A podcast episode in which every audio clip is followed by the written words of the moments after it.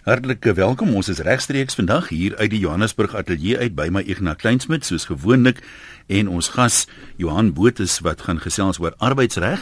Maar ek dink voordat ons uh, begin gesels Ignas, ehm um, daar was 'n baie belangrike konstitusionele hof uitspraak. Ek weet jy het nogal al in die verlede baie gepraat oor die konstitusionele hof oor die Nkandla kwessie en die terugbetaling van die geld. Dalk wil jy vir ons net so kortliks in 'n sin of twee sê wat is die belang daarvan? Wat kan 'n mens daarvan aflei? Dit was op 31ste Maart hierdie uitspraak wat gelewer is en uh, soos jy sê grondverskuivende verklarende bevel wat gemaak was deur ons hoofregter Mogoeng Mogoeng.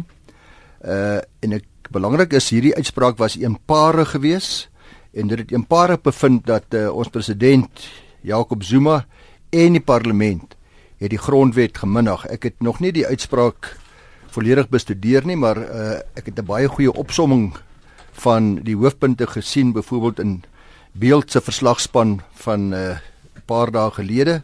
Dit het baie goed opgesom uh, en hulle het 'n baie mooi hoofopskrif gehad in die koerant. Uh het dit gelees JZ sien sy Goliat. Dis nou maar dis dit spreek woordelike Dawid en Goliat was my mooi JZ sien sy Goliat, maar goed.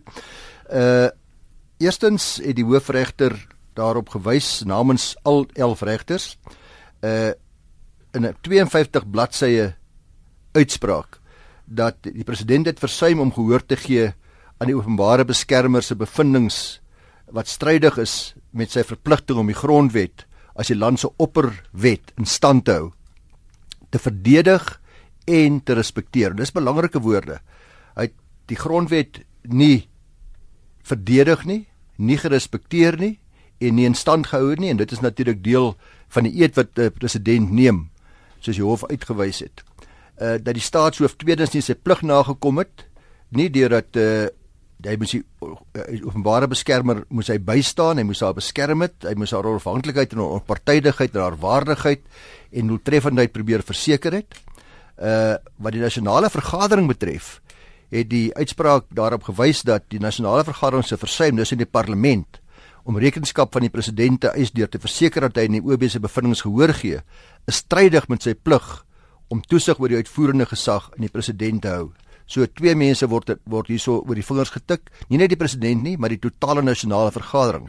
En ek kan eintlik maar hier sê want ons weet presies dat daar baie ander partye is wat heftig beswaar gemaak het teen die prosesse en daarop gewys het dat die grondwet nie behoorlik nagekom word nie. Ons praat maar hier eintlik van die regerende party se politieke party die ANC wat hierso eintlik oor die vingers getik word.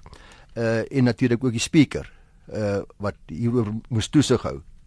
Dan net uh die hoofregter het die magte en pligte van die president en die nasionale vergadering en die openbare beskermer baie duidelik mooi netjies uiteenlopend belig en toegelig uh en herhaaldelik klem gelê op die oppergesag van die grondwet. Uh in hierdie program het ons dit al by herhaling gedoen uh en elke keer gesê hoe gelukkig ons is dat die howe nog uh telkens dit beklemtoon dat almal onderhewig is aan die oppergesag van die grondwet. Uh dit gaan 'n deeltjie aanhaal in Afrikaans vertaal van wat hy gesê het. Hy sê openbare amptdraers ignoreer hul grondwetlike pligte tot hulle eie nadeel. Dit omdat grondwetlikheid, verantwoordbaarheid en die oppergesag van die reg 'n skerp en magtige swaar verteenwoordig wat gereed staan om die vieslike kop van straffeloosheid van sy styf gespande nek af te kap. Mooi woorde. So uh hy sê ook die president het 'n plig om 'n voorbeeld te stel. Hy sê as volg en ek haal aan: Die nasie vestig hulle hoop op hom om die land in die regte rigting te stuur en ons reis na 'n vredesame, regverdige en voorspoedige bestemming te versnel. Hy, dis nou die president, is 'n grondwetlike wese, 'n nasionale padvinder die opperbevelhebber van regeringsake en die verpersoonliking van ons nasie se grondwetlike projek. Nou uh dan praat hy mooi dinge oor die OB en ek haal weer sy woorde aan direk. Hy sê die OB is 'n geskenk van onskatbare waarde. Dis die openbare beskermer, né? Onskatbare waarde in die stryd teen korrupsie, onregmatige verryking, vooroordeel en ongeruimthede in regeringsake. Die moeders en vaders van ons grondwet het geboorte gegee aan 'n manier om 'n stem te gee aan armes en verstotelinge tande wat korrupsie en mishandeling seer kan byt. Sy is die versoonliking van die Bybelse Dawid. Dis nou die publiek wat hiervan praat. Ons, ons is die Dawid wat die magtige en ryk Goliat. Dit is onwettige en korrupte korrupsie deur regeringsamptenare uh beveg. Die OB is een van die ware kruisvaarders en kamp kampioene van teenkorrupsie pogings en skoon regering. Dan het hy uiteindelik die bevel wat gelees dat uh die tesorie moet binne 60 dae aan die hof terugrapporteer en sê hoeveel geld Zuma persoonlik moet terugbetaal. Hy het verwys dat die swembad, die beeskraal, uh die besoekersentrum, uh die hoenderhokke, uh die amfitheater. Dis duidelik hy het klare aanduiding gegee van wat hy dink terugbetaal behoort te word. Uh Zuma dan na die 60 dae, te 45 dae tyd om hierdie geld aan die staat oor te betaal en belangrik is hy moet ook die ministers betrokke by die Nkandla saak berispe weens die weens die ver, ver, ver, vermorsing van staatsgeld. En jy weet dis 'n apart tweede verslag wat gekom het en al die soort van dinge. So 'n uh, uitspraak wat regte waar ja. ongelooflike indruk op my gemaak het en ek seker op op 90% of 99% van alle Suid-Afrikaners. Ja, dis nie ons plek om te bespiegel oor die politieke implikasies nie, maar het dit vir jou vertroue in die konstitusionele hof en in die grondwet uh, herbevestig? Absoluut so uh, eh, ek het 'n uh, eh, bietjie bekommer geraak op 'n stadium deur die loop van die afgelope jaar uh, omdat daar al meer aanduidings was dat daar tog tekens was uh dat die publiek begin vertroue verloor in ons uh, grondwet uh, en hierdie feit van 11 regters wat eenparig hierso vreesloos die regering werklik stewige dwarsklap gegee het en mooi uitgespel het waar 'n regering staan, hoe die skeiding van magte werk uh, en geen ondubbelsinnige taal nie. As jy dink, daar was klomp beweringe dat ons hoofregter so 'n bietjie van 'n lakai gaan wees toe hy destyds aangestel is. Daar was allerlei kritiek teen hom. Uh hier hy word deur Zuma aangestel. Uh of hy was hmm. natuurlik heeltemal dis wat die koerante en die media sê word eintlik deur die regtelike dienskommissie aangestel. Moet dit ook al sê, daar's 'n politieke invloed in die proses word beweer en hier is en 'n klomp van daai regters, wel al 11 is deur die regterlike dienskommissie aangestel wat altyd beskuldig word daarvan dat hulle eintlik maar mense aanstel wat die regering ter wille is. 'n Duidelike voorbeeld dat dit nie so is nie dat ons 11 onafhanklike denkende positiewe Suid-Afrikaners daar het wat vir ons 'n bietjie almal hoop gegee het. Ja, ons gaan in my maand uh, verder gesels met uh, Johan Botus, maar kom ons stel hom voor aan die luisteraars vandag. Ja, uh Johannes is spesialis in die gebied van die arbeidsreg. Uh, hy adviseer plaaslike en internasionale maatskappye op allerlei arbeidsverhoudinge uh organe Suid-Afrika en ook die Sub-Sahara Afrika want hy's deel van 'n internasionale uh regsfirma, die baie bekende grootste firma in die wêreld as ek reg onthou Johan Baker and McKenzie. Uh hulle het 'n Suid-Afrikaanse tak in Johannesburg. So Johan het 'n LLB, het 'n LLM, hy's besig met sy doktorsgraad in die regte daar in die in die Pik by die Noordwes Universiteit. Uh getroud. Hy sê vir my twee pragtige kinders uh en hy's ook 'n groot padwedloper en jy gaan hom dalk ek kan nou ons is nou nie op TV vandag nie maar die wat uh die wat hom wil sien hy's 'n hy's 'n baie mooi netjiese uh man. Ja, as jy kom reeds kyk sien jy hom dalk daar gewas. Ja, ja, ja, maar jy sal jy sal daar aan die agterkant van die veld moet kyk en jy moet mooi kyk. Jy weet die ou op sy hande en sy voete is dit sal jy waarskynlik ek wees daai.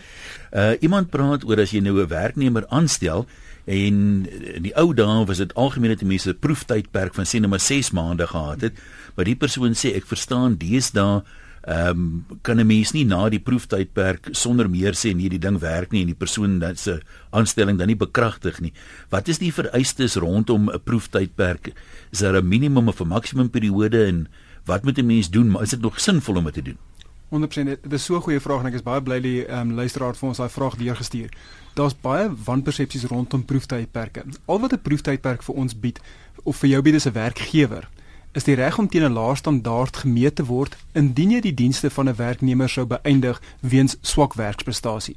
So proeftydperk sê dit weer die om teen 'n laer standaard gemeet te word. Korrek, wanneer dit kom by swak werksprestasie. So wat die wetgewer sê vir jou is as 'n werk gewer, vat jy 'n kans op 'n werknemer want jy weet nie of die persoon gaan gaan regkom in jou werksplek nie. Maar dit ja. is slegs wat die persoon se werksprestasie aanbetref. So as jy 'n proeftydperk in die kontrak sit en is belangrik dat daar wel so 'n uh, uh, proeftydperk in 'n kontrak geplaas word, dit word nie ingelees in die kontrak nie. Daar moet 'n spesifieke bepaling wees vir 'n proeftydperk. Gedurende die proeftermyn hoef die werkgewer nie dieselfde hoeveelheid leiding, ehm um, opleiding en terugvoer te gee aan die werknemer wat andersins verlang sou word van 'n werkgewer aan 'n werknemer wat nie op 'n proeftydperk is nie. So vir daai eerste 3 maande, 6 maande en daar's nie 'n um, statutêre bepaling vir hoe lank die proeftydperk moet wees nie, maar oor die algemeen kyk ons na 3 na 6 maande. Vir daai eerste 3 na 6 maande vat ek 'n kans nie. Ek vat hier op 'n toetsrit as ek nou 'n motorterme kan vergelyk. En ek sê, gaan hierdie ding werk vir ons? Gedurende die onderhoud en gedurende die werwingsproses het jy my geïmponeer. Ek dink jy's die regte persoon vir die werk. Maar nou dat ek sien hoe jy prakties in die werksplek um, reageer, jy jy kan net nie die werk doen wat ek gedink het jy kon en wat jy vir my gesê het jy kan doen gedurende die onderhoud nie. So nou hoef ek nie deur al daai daai uh, oor al daai hekkies te spring wat ek andersins moet doen voor ek iemand se werk uh, af uh, voor ek iemand anders afdank vir swaks werksprestasie nie. Gedurende die proeftydperk hoef ek dan minder terugvoer in geleentheid vir jou te gee om wel die standaard te behaal. So hy kan nie daarna sê jammer ek stem nie saam met jou nie, jou diskresie is nie billik uitgeoefen nie, ek vat jou CCMA toe of KVBA toe nie. Hy kan inderdaad, so enige werknemer wat afgedank word, het nog steeds die reg om na die ehm um, tribunaal toe te gaan en na die CCMA toe te gaan en sê my dienste is onbillik ehm um, uh, afgedank. Wat die uh, CCMA dan doen is om te sê kom ons kyk na daai. Okay, so meneer, jy was onder 'n proeftydperk gewees. So dus het jy nie dieselfde reg tot terugvoer, tot opleiding, tot uh hulp en bystand van die werkgewer af wat 'n persoon wat nie op 'n proeftydperk is nie. So dit is al wat die proeftydperk sê. Ek gee net so 'n klein bietjie latitude vir jou. Wat werkgewers gereeld doen ongelukkig. Hulle dink die persoon is op 'n proeftydperk. So 3 maande in hierdie proeftydperk en kyk ek nou sien hierdie dinge gaan nie lekker werk nie en ek roep net die ou en ek sê vir hom, luister dinge werk nie so lekker nie. Ek gaan nie jou uh, permanent aanstel na jou proeftydperk nie. 'n Werkgewer kan dit ook nie doen nie. Selfs gedurende die proeftydperk het jy nog steeds nodig om vir die persoon te sê ek ek hou nie van die manier waarop jy dinge doen nie of jou werk is nie op die regte standaard nie. Dit is waar jy moet wees. Jou werk is op 'n 8 standaard, ek het nodig dat jy op 'n 10 standaard moet wees. En ek gaan vir jou nog 'n week of 2 of 3 gee om daai standaard te bereik en ek gaan vir jou saam met 'n kollega sit wat jou 'n bietjie verdere opleiding kan gee Maar ek kan nie net aan die einde van die proeftydperk kom nadat ek niks gedoen het of gesê het vir jou en dan sê okay, maar hierdie ding werk nie vir ons nie. Is die is die werknemer geregtig op redes hoekom sy jou nie permanent aangestel word nie? Ja. So ehm um, wanneer jy die dienste van 'n werknemer beëindig as 'n algemene beginsel en reël, het die werknemer die reg tot redes hoekom jy sy dienste nie ehm um, hoekom jy sy dienste beëindig. So selfs al is dit vir swak werkprestasie, selfs al is dit gedurende die proeftydperk, dit is 'n 'n is 'n ehm 'n 'n onding daai waaronder in die, uh, baie werkgewers is onder daai illusie van jou proeftydperk tot 'n einde gekom. Ek skryf dit vir jou brief en ek sê luister, jou proeftydperk tot 'n einde, ek gaan jou nie um, ek gaan nie aangaan met hierdie kontrak nie. Dit is ook nie billik nie. En so 'n uh, werkgewer sal beslis moeilikheid optel by die by die KVBA. Kom ons neem gou 'n oproep wat ons hoor. Hallo regsaake. Hallo Jan, Mara. Johan yes. hier so. Hallo Johan. Luister hier, so, ek wil iets vra oor werksure. Is dit applicable op hierdie program of nie? Jy kan vra. Ek wil graag weet lorry drywers Wat is die werksure wat hulle mag agter die stuurwiel sit? Dis al. Goed, ons sê dankie. Johan, het jy dit in die kop? Ja. Kom ons praat net oor die algemeen en dan kom ons dit terugvat na na die vragmotorbedryf toe. So oor die algemeen die wet op basis diensvoorwaardes skryf diensure voor en sê dat weet as jy 6 dae week werk, dan werk jy um, vir 8 ure 'n dag as jy 5 dae week werk, jy vir 9 ure 'n dag werk en daarna as jy geregtig op oor um, op oortyd vir daai um, vir die, vir alle hmm. ure wat jy werk tot dan.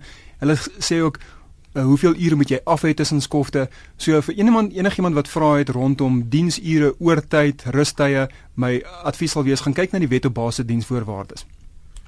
Wat mens dan ook in ag moet neem is dat in terme van die wet op basis diensvoorwaardes is daar vers, verskeie sektorale bepalinge die minister sit met 'n uh, met 'n uh, uh, industrie soos die vervoerindustrie byvoorbeeld of soos die sekuriteitsindustrie en sê in julle bedryf is dinge bietjie anderster en ons het nodig om 'n spesiale stel reëls te stel wat julle spesiaal gaan akkommodeer.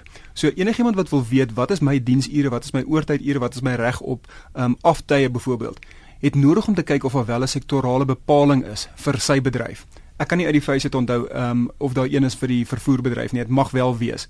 Maar ek sou vir ons uh, vir ons luisteraars sê, gaan kyk na die wette basis diensvoorwaardes. Die algemene reël is as jy vir vir as jy nie 'n 5 dag werker is nie, is jy geregtig op uh, 8 ure per dag waarna jy geregtig is op oortyd.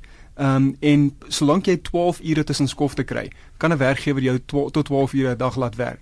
Maar dit is die algemene reël. Dit is belangrik dat jy kyk wat's in jou bedryf en dan as ek 'n laaste ding hier daar kan ingooi, mens moet ook kyk na wat is die kollektiewe ooreenkomste tussen jou vakunie en die werkgewer. Ja. Want die wet stel die basiese voorwaardes daar. Dan het ons die sektorale bepaling wat bo-op dit ingelees word vir 'n spesifieke bedryf of industrie, maar dan moet mense ook kyk op op uh, op plaasvlak, weet op werksplek uh, vlak. Wat is daar wat is daai reëls wat is nie uh, werkgewer in die vakunie bedin is? Want daai reëls is ook dan van toepassing. So mense kyk na verskillende lae van wetgewings en reëls wat gaan bepaal hoeveel um, tyd 'n perso persoon kan werk. Spesifiek die langafstand vragmotorbestuurders hoor mense baie klaar dat daar baie druk op hulle is om deur te ry jy weet jy moet by die bestemming kom en as hulle klaar by die werkgewer is dit geval van man as jy dit nie like nie kry vir jou ander job. Jy weet daai tipe van ding. Wat se sanksie het so iemand? Kom ons we gaan nou nie spesifiek wees nie maar kom ons sê daar's 'n sekere aantal uur wat jy mag ry en met jou werkgewer wil hê jy moet nou deur in Johannesburg toe al neem dit 18 uur. Wat is jou jou sanksie? Want ek meen die praktiese ding is sê jy vir meneer maar ek is geregtig op rus en sê my hier's 10 ander ouens wat jy job wil hê jy weet. Hoe wat ja. doen 'n mens? Is is 'n is 'n baie moeilike situasie en 'n netelige een vir 'n werknemer werknemer om in te wees. Maar ons kan kyk na die arbeidshof verleiding en wat die arbeidshof in die verlede al vir ons gesê oor sulke um, situasies. Daar was byvoorbeeld gesag uh, van die arbeidshof wat die arbeidshof gekyk het na 'n werkgewer wat werknemers afgedank het omdat hulle nie oortyd wou werk nie. In terme van die wet op basiese diensvoorwaardes moet daar instemming wees tussen 'n werkgewer en 'n werknemer om oortyd te werk. Daai instemming word gewoonlik vasgevat in 'n dienskontrak. Maar waar daar nie 'n bepaling in 'n dienskontrak is wat sê ek stem in dat ek oortyd werk nie, het die werknemer nodig om elke keer wanneer daar gevra word oor tyd werk, moet hy daar instemming gee. So in daai geval het die werkgewer 'n klomp werknemers afgedank omdat hulle geweier het om oortyd te werk. Toe die hof gesê, daai afdanking is onbillik geweest, want jy kan nie verwag van mense om iets doen wat teen die wet is nie. So tot die mate dat die werkgewer vereis het van die mense om oortyd te werk waar daar nie instemming was nie, het hy basies van hulle verlang om iets te doen wat onwettig was. En ek dink dieselfde beginsel sal van toepassing wees op ons um, op ons vragmotorbestuurders hier ook. Ja, as 'n werkgewer vir jou sou vra om iets te doen wat onwettig is, nê, dan kan dit um, dan kan jy wettiglik weier om dit te doen. In praktyk sal ek natuurlik vir werk uh, uh, uh, nemers aanraai om altyd baie versigtig te wees voor jy instruksies weier maak gebruik van alle interne um, prosesse wat jy ja. kan. So as 'n werkgewer vir jou sê luister jy moet dit gaan doen en dit dryf uh, verkeerd in met jou en jy sê luister maar ek kan dit nie doen nie want dit is onwettig. Gesels met die persoon se baas, uh, gaan na jou vakunie toe. Um uh, uh, sit 'n grief in. Weet daar's baie goed wat jy moet doen voor jy net blaatant gaan sê ek gaan on, onder geen omstandighede doen nie. Want dit plaas jy net in 'n leedlige posisie selfs al is jy reg. Ja, nou kleiner die werksplek is groter raak die behoefte aan 'n gesonde werksverhouding tussen werkgewer en werknemer. Nou om aan te vul by wat Ian nou gevra het en wat jy gesê het, nou is ek in 'n redelike klein maatskappytjie. Uh ek vat my werkgewer CCMA toe of KVBA toe en onmiddellik weet ek die verhoudinge word dalk nou versuur.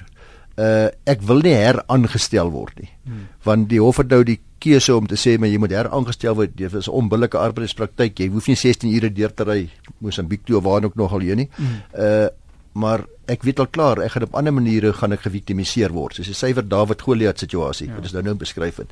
Is daar watter ander sanksies kan die hof gee? Hoe kan hoe kan ek vergoed word vir hierdie situasie? Ja dit is is bitterwaar wat jy sê en is ongelukkig een van die realiteite waarmee mense deel in die werksplek. Soos met enige ander mense verhouding weet is daar daar's die regsaspekte en die regsraamwerk waarbinne ons um, um, uh, handel, maar daar's ook ander faktore wat uh, wat hierdie verhouding kan belemmer. En my advies aan werknemers altyd wat ongelukkig is in die werksplek, weet dis oor die algemeen nie 'n goeie idee om uh, om nou in 'n geveg met jou werkgewer ja, betrokke te raak nie. As jy nie uh, gelukkig is daar nie, gaan na 'n ander plek toe waar hulle jou beter sal hanteer en waar hulle jou meer sal waardeer.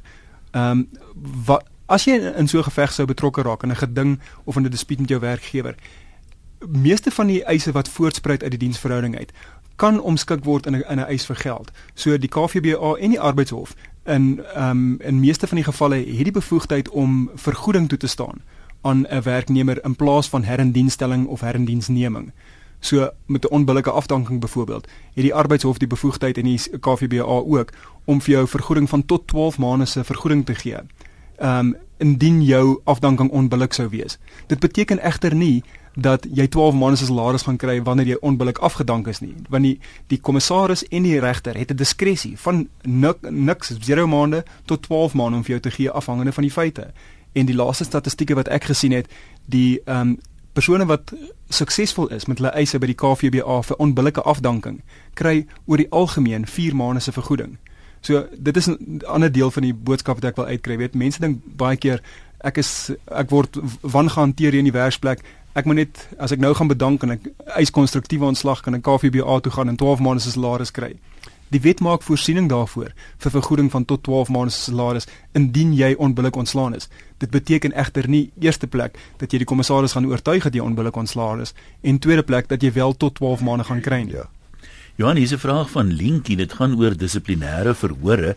Basies, waarvoor kan 'n mens dissiplinêr verhoor word wanneer dit lyk of die werkgewer uh allerlei verskoningkies soek, dinge soos 'n onnet lessenaar, is dit byvoorbeeld gronde vir 'n dissiplinêre verhoor? Sy sê haar seun het 'n uh, vakansie gehad en hy het per ongeluk vergeet om die sleutel ehm um, iewers te laat toe mis die werkgewer uitry kantoor toe met sy sleutel om te gaan oopsluit nou daaroor wil hy hom net dissiplinêr verhoor waar wat waaraan moet 'n ding voldoen waarvoor kan of kan 'n mens nie dissiplinêr verhoor word nie Die algemene beginsel is net dat die werkgewer en die werknemer is nie in 'n posisie van gelyke partye nie. So die werknemer wanneer jy in 'n werknemer situasie ingaan, onderwerp jouself aan die dissipline van die werkgewer. Is 'n situasie van jy is uh, onderdanig aan die werkgewer en die werkgewer het die reg om werksplek reëls daar te stel en om dissiplinêre stappe te neem om daai werksplek reëls toe te pas.